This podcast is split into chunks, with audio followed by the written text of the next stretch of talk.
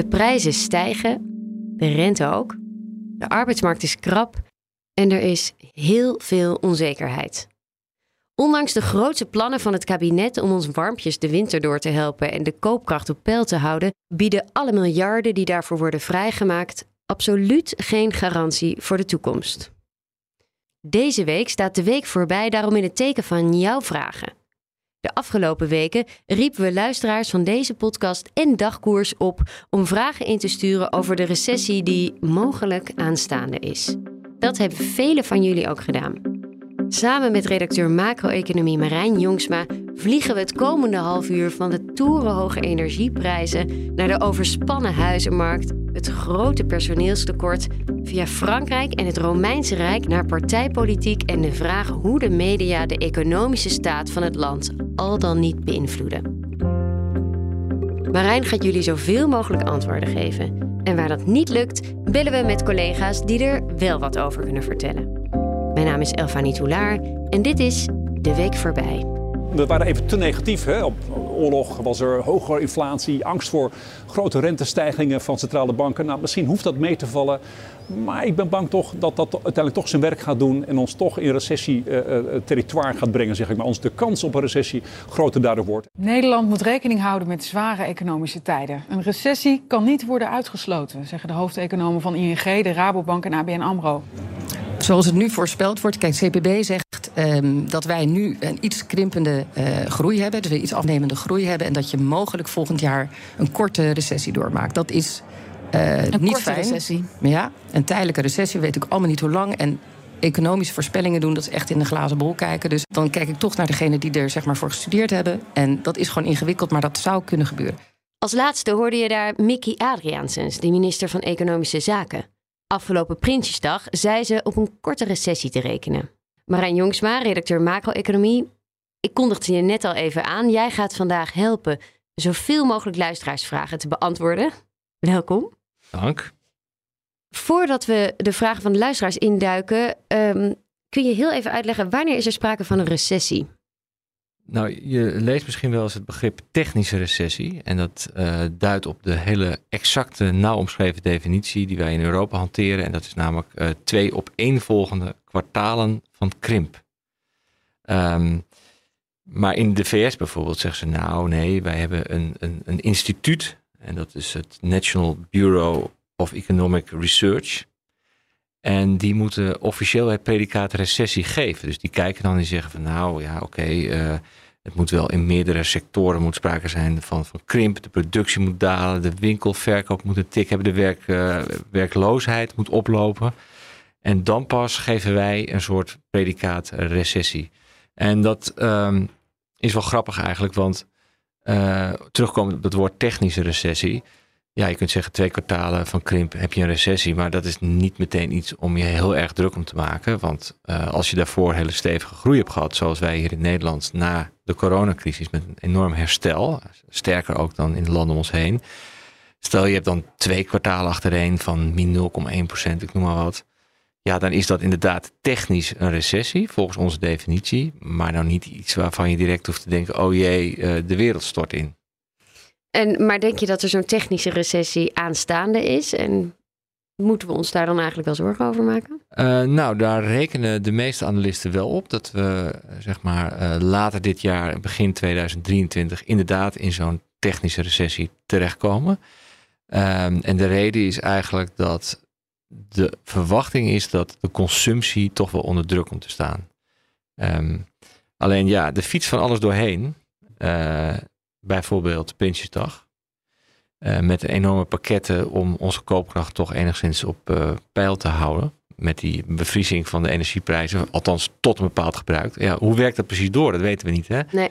Maar je kunt natuurlijk wel verwachten, want de overheid kan niet alle pijn wegmasseren, um, dat er wel een druk op de koopkracht komt. Hè? Zoals we eigenlijk al zien in de inflatiecijfers. Dus dat is een soort uh, ongeluk in slow motion. En op een gegeven moment dan druppelt dat daadwerkelijk onze huishoudens binnen. Ja, en dan is wel de verwachting dat mensen dan wat minder gaan consumeren. En consumptie is gewoon een hele belangrijke pijler onder onze economische groei. Dus daar zou een deel uh, van de oorzaak van zo'n recessie kunnen liggen. Er komt natuurlijk bij dat we een exportland zijn. Nou, het gaat in het buitenland ook niet allemaal even florissant. Dus dat drukt ook uh, op de economische groei. En ten derde, uh, de investeringen. In tijden van hoge inflatie, onzekerheid, zijn bedrijven ook minder geneigd om heel veel te gaan investeren. Dus dat zijn eigenlijk allemaal motortjes achter die economische groei die wat minder hard gaan draaien. Uh, en er blijft eigenlijk één heel belangrijke motor over die wel op toptoeren draait. En dat is uh, vadertje staat eigenlijk, die, die gewoon diep in de buidel tast. Er zijn dus behoorlijk wat vragen binnengekomen en daar gaan we nu in, op inzoomen. De eerste vraag komt via Instagram van Maarten Simon en hij vraagt zich af welke, welke sectoren de hardste klappen gaan krijgen als er recessie komt. Of nou ja, in ieder geval veel economische tegenwind. Ja, nou dat zijn eigenlijk toch voornamelijk de sectoren die gewoon energie-intensief zijn. Uh, het pakket uh, van de overheid waarmee de, de pijn wat wordt weggenomen, is voornamelijk gericht op huishoudens en nog niet op bedrijven. Waarschijnlijk komt daar wel iets aan. Um, maar, en dat varieert eigenlijk van de bakker die een oven moet opstoken, tot de slager die een dure koeling heeft, wat ook veel energie verbruikt. Tot het metaalbewerkingsbedrijf. En je ziet eigenlijk dat die bakken en die slagers zitten natuurlijk heel dicht tegen de consument aan en verbruiken gewoon veel energie. maar in het algemeen, zeg maar in de industrie, zijn het bedrijven voor in de keten. Dus, dus staalbedrijven, chemiebedrijven die heel veel energie verbruiken. En uh, voor hen is energie uh, een, een heel groot bestanddeel van de totale kosten. Dus als dat nog verder toeneemt, ja, dan, dan verdwijnen die winstmarges helemaal. En ze kunnen dat lang niet altijd één op één uh, doorrekenen naar de schakels die na hen komen. Waaronder de consument. Ja, nou ja, precies. Ja. Want de consument gaat zijn gedrag natuurlijk ook veranderen overigens. Hè. De mensen denken, nou ja, weet je wel, ik ga altijd naar een wat duurdere supermarkt. maar weet je, ik ik sla de mozzarella dit keer maar over. En ik, ik koop wel uh, iets bij, uh, bij die supermarkten wat, wat goedkoper is. Dus je krijgt wel ook echt verandering in consumentengedrag. En dat komt echt door die hoge inflatie. Want um, als de prijzen elk jaar met, met, met 1 of 0 of, of, of, of een half procent stijgen, dan, dan word je eigenlijk, dat, dat merk je bijna niet. Dus dan let je er ook niet op. Dus ja, dus inderdaad ook, ook in dat soort detailhandelssectoren ga je effecten zien. Valentijn Zomers, die uh, heeft een vraag over de loonprijsspiraal. Daar wordt nu veel over, voor gewaarschuwd. Um, lonen stijgen, prijzen stijgen, lonen stijgen, prijzen stijgen. Ja. Komt het eigenlijk op neer. Uh, hoe kan dat voorkomen worden? Nou, een belangrijk, uh, een belangrijk element om dat te voorkomen is dat je geen automatische prijscompensatie gaat toepassen. Um, dat is bijna overal in Europa afgeschaft. Um, dat hadden we in de jaren 70 wel. En dat betekent dat als er hoge inflatie is, dat je automatisch direct 100% gecompenseerd krijgt. Volgens mij hebben ze dat trouwens in de Rotterdamse haven, hebben ze dat nu toch wel al uh, afgesproken. Nou, en sterker nog, de FNV wil het. Hè? Ja, die dus, wil het sowieso. Het is de inzet en, en je hebt bij de NS gezien, en daarom is dat ook zo'n game changer eigenlijk voor, uh, voor de Nederlandse arbeidsverhoudingen. Die hebben gezegd van nou, wij spreken een, een loonsverhoging. Ja, de, de, meningen verschillen tussen werkgevers en vakbonden hoeveel ze erbij krijgen, maar het zit zo rond de 10%. En ze hebben ook gezegd van als volgend jaar de inflatie hoger uitvalt dan nu verwacht, uh, dan gaan we daarvoor gecompenseerd worden. Dus ja, dan ga je toch al echt richting die automatische prijscompensatie. De volgende vraag gaat over de huizenmarkt. Daarvoor bellen we met onze redacteur woningmarkt Nelleke Trappenburg. Nelleke Trappenburg. Hoi Nelleke, met Afanie. Hey hoi. Wij zitten hier in de uh, studio en wij hebben, er zijn een paar luisteraarsvragen voor jou binnengekomen. En de eerste is van Ed Kelly Zoernas.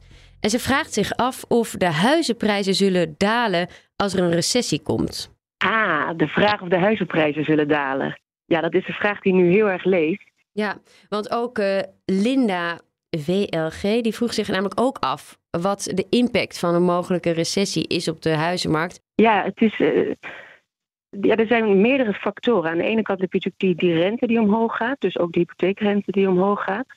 Ja, dat, maakt, dat zet gewoon de betaalbaarheid onder druk. De huizenprijzen zijn heel hoog, dus dan is het de vraag of mensen het op een gegeven moment nog kunnen betalen. Ja, en als dat niet meer kan, dan, ja, dan, dan moeten de prijzen omlaag, zeg maar. Aan de andere kant is er dus een enorm woningtekort. Um, dus er is wel heel veel vraag. Ja, en, en het is ook niet zo dat mensen nu hun baan kwijtraken. Dus dat uh, een, een econoom van het ING die, die zei: ja, zolang mensen nog zekerheid over inkomen houden, ja, zal, de, zal het effect op de woningmarkt beperkt zijn. Dus het is even afwachten. Maar de makelaars zien de afgelopen maanden wel al dingen veranderen op de markt. Dus toch, het enthousiasme is een beetje getemperd, ook door de hoge inflatie, de oorlog in de Oekraïne. Eh, ja, mensen worden wat terughoudender. Er komen gewoon minder mensen naar bezichtigingen. Er worden minder biedingen gedaan al. Uh, er wordt ook minder extreem geboden. Um, Makelaarsland uh, bracht volgens mij een paar weken geleden al naar buiten dat het toch vaker weer onder de vraagprijs wordt geboden dan erboven. Het is even afwachten waar het naartoe gaat. Dan gaan we van de huizenmarkt naar de arbeidsmarkt met een vraag van Bastian Mom. Hij vraagt zich af of de huidige krappe arbeidsmarkt ervoor zorgt dat de komende recessie misschien wel mee zal vallen.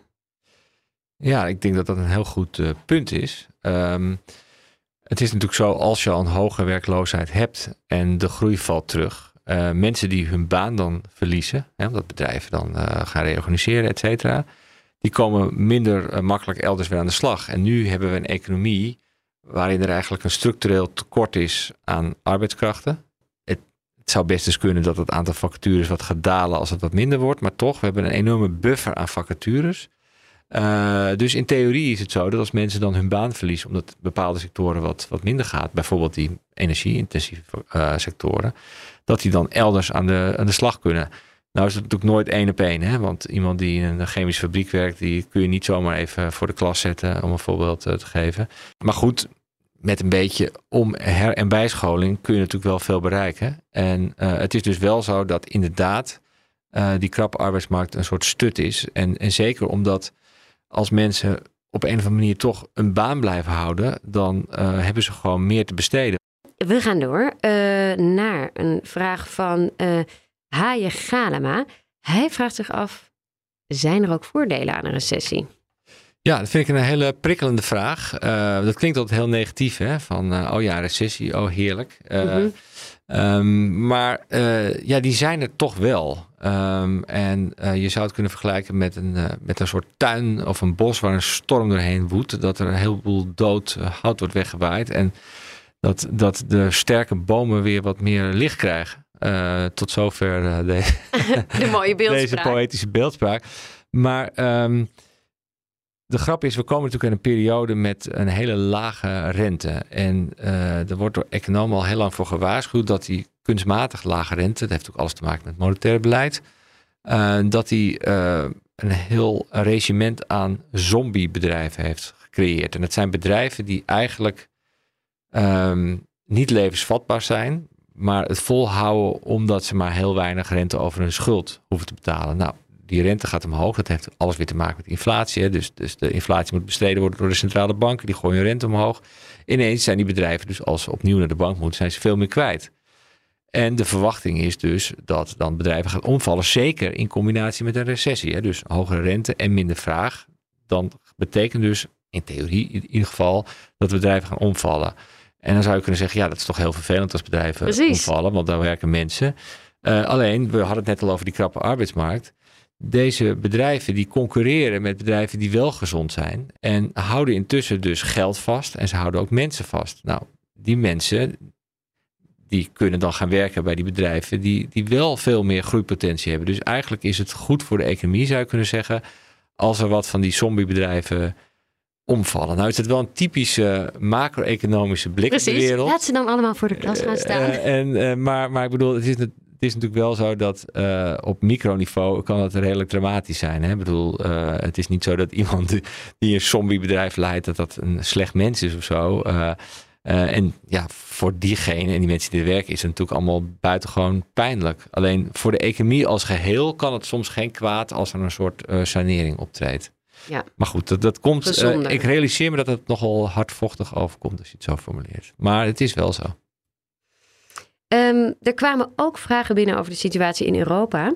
En daarvoor gaan we nu bellen met algemeen verslaggever Han-Dirk Hekking. Ja. Hallo, met Dirk. Hoi Jan Dirk, met Elfanie. Hey Elfanie, hi. Hoi. Remco Walta die vraagt zich af waarom er zulke verschillen zijn in de aanpak uh, van Frankrijk en Nederland. Um... er zijn eigenlijk twee antwoorden, of eigenlijk uh, het antwoord zou kunnen bestaan uit twee delen, zeg ik uit mijn hoofd. Eentje daarvan is dat Frankrijk, denk ik, iets meer dan Nederland een interventionistische traditie heeft, zeg maar, in de economie. En er komt er gewoon iets heel anders bij. En dat is gewoon dat Frankrijk natuurlijk de protesten van de gele hesjes heeft gehad. Uh, dat ging ook, dit begon eigenlijk ook over een belastingverhoging op, uh, op brandstof. Uh, dat heeft Macron en zijn regering natuurlijk gewoon maar in de oren geknoopt. Dat, het was natuurlijk ongelooflijk onvrede destijds in Frankrijk. Macron heeft daar op vele vlak zeg maar, op gereageerd. Maar hij was natuurlijk extra gevoelig op, op het vlak van, van hoge energieprijzen. En daarom hebben de Fransen gewoon heel snel ingegrepen. Mm Dus voor een half jaar hebben ze zeg maar, de gasprijzen zeg maar, bevroren. Uh, stroomprijs gemaximeerd. En uh, dat is eigenlijk vervolgens weer verlengd. En dat zal waarschijnlijk ook volgend jaar blijven voortduren. Dus het korte antwoord is interventionistische traditie als het gaat om het ingrijpen in de economie. En zeg maar politieke opportuniteit.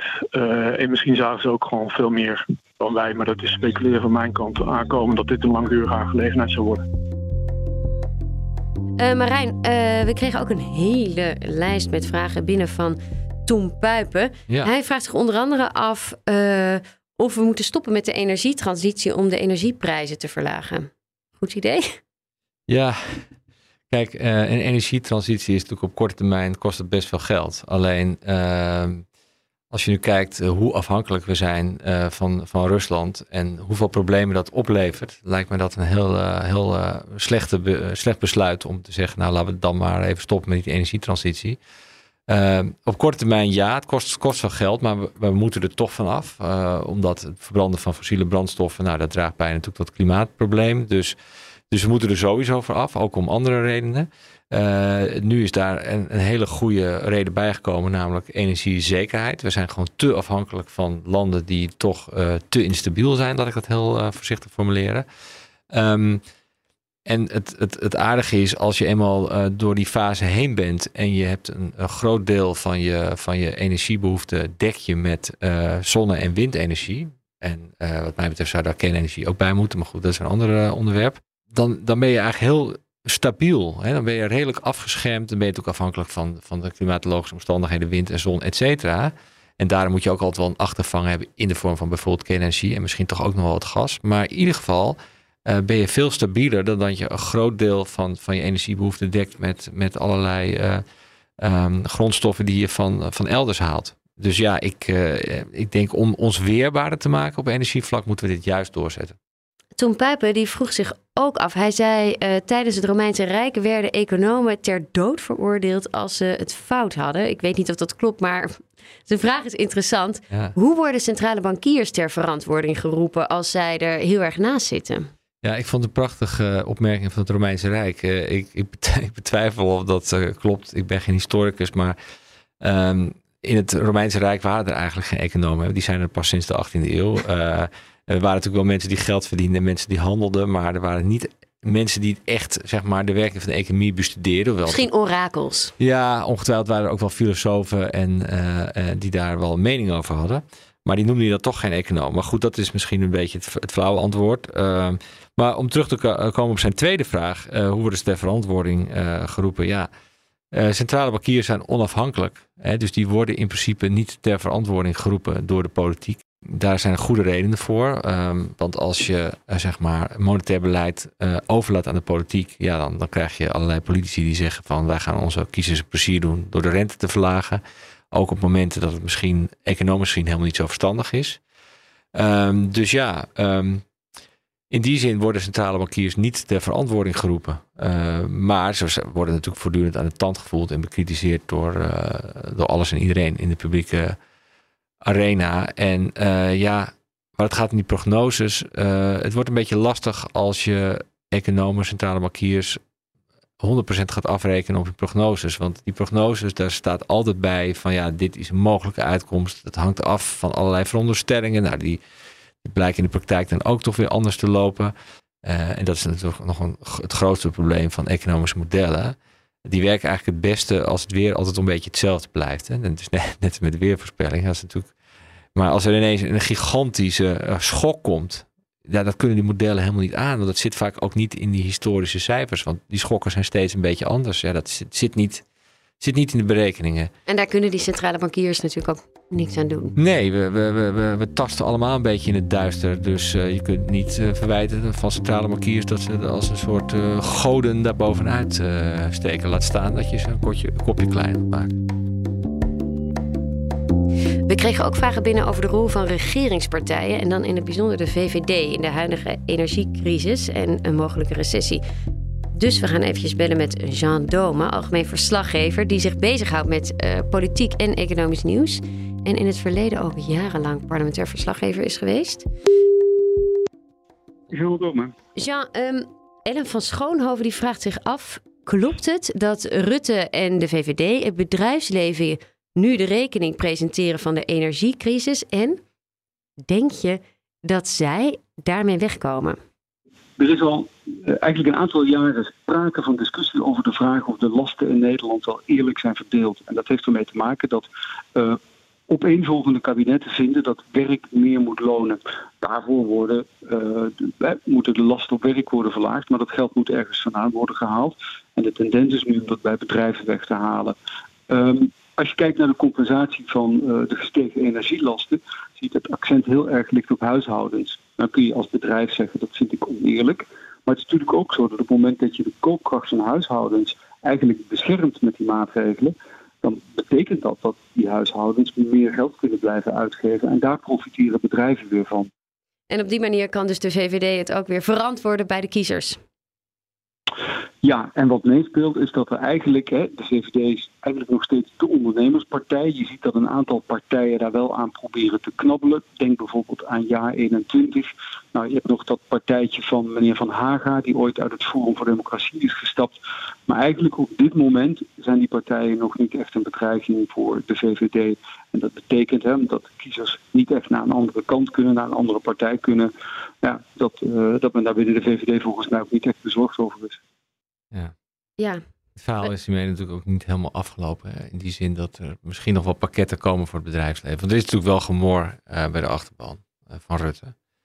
Uh, dus het zou goed kunnen dat er nog wel pakketten komen waarmee ook het bedrijfsleven meer gesteund Ja, we hadden het er net even ook over, over die energieprijzen en het energieplafond. Dus is toch ook nog iets in de maak?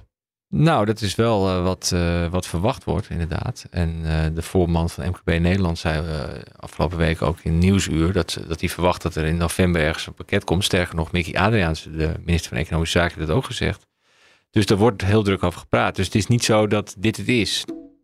Ten slotte zijn we aanbeland bij de laatste vraag van deze podcast. Dat is een vraag van Charles Hengst. Hij wil weten: is het geen self-fulfilling prophecy als iedereen maar blijft stellen dat er een recessie aankomt? En doen we er dus niet verstandiger aan om dat niet steeds te benoemen? Ja, dat is echt een vraag voor onze nieuwschef Hans de Jong. Hi. Hey Hans, wat vind jij daar als nieuwschef van? Um, ik vind het een interessante vraag. Het doet me denken aan onderzoek van de Nederlandse Bank van vorig jaar. Uh, uit dat onderzoek bleek dat uh, artikelen van het FD een grote voorspellende waarde hebben. Heel simpel gezegd. Als wij schrijven er komt een economische opleving aan, dan komt er zo'n opleving. Als wij schrijven er komt een recessie aan, dan komt er uiteindelijk een recessie. Wat daaruit dus blijkt is, er is een grote correlatie tussen het economisch stij en hoe wij erover schrijven. Mm-hmm. Uh, maar daarmee is niet gezegd dat wij ook bijdragen aan een conjuncturele neergang of opgang. Uh, wat doen we nou als krant? Ik denk dat we signalen oppikken in de maatschappij. Uh, in dit tijdsgewicht gaat het om de inflatie, hoge energiekosten, et cetera. Daar berichten we over, dat is ons raison d'être. En we duiden dat en dat doen we aan de hand van uh, experts. En wat ik eigenlijk wil zeggen is, we schrijven niet zomaar wat op. We reageren op de dingen die gebeuren. Dus mijn zinziens ja, dragen we dus niet bij, sorry, dragen we niet bij aan uh, het verdiepen van de recessie. Nee. Bovendien denk ik dat er getuigt van grote zelfoverschatting als een krant als het FD eh, een recessie kan veroorzaken. Don't blame the messenger. Dat is het. Oké, dankjewel Hans. Oké, tot Joep. ziens. Doei doei. Daar was je het wel mee eens. Ja, helemaal. Want eh, het feit dat, dat eh, inderdaad veel erover schrijven wordt gevolgd door een recessie, dat is natuurlijk nog geen kausaal verband. Eh, wij schrijven gewoon wat we, wat we zien, wat er gebeurt. We spreken met mensen die, eh, die daar verstand van hebben. Ja, en eh, dat er dan inderdaad eh, wat wij verwachten gaat gebeuren, ja, dat is gewoon een kwestie van, van journalistiek, lijkt me. Oké, dankjewel eh Marijn voor het aanschrijven in deze podcaststudio. En de andere collega's voor het beantwoorden van alle lezersvragen. En dank luisteraars voor het toesturen daarvan. Dit was hem voor deze week. Volgende week zijn we er weer met een nieuwe aflevering van de Week voorbij. En vergeet tot die tijd niet te luisteren naar een nieuwe aflevering van Achtergesloten Deuren. De podcast over Gerard Sanderink en de perikelen rond zijn persoon en zijn zakenimperium. Als je deze podcast leuk vindt, abonneer je dan vooral. Dat kun je doen door te zoeken op De Week Voorbij. En delen met je vrienden. Dat helpt ons weer om gevonden te worden. En wil je reageren? Dat kan natuurlijk. Je kunt een mail sturen naar podcast.fd.nl en mij kun je vinden op Twitter, Elfanie. Redactie voor deze podcast is gedaan door Yilda Bijboer en Albert Wagenaar. En de muziek komt van Visionair Ordinaire. Een heel fijn weekend en tot volgende week.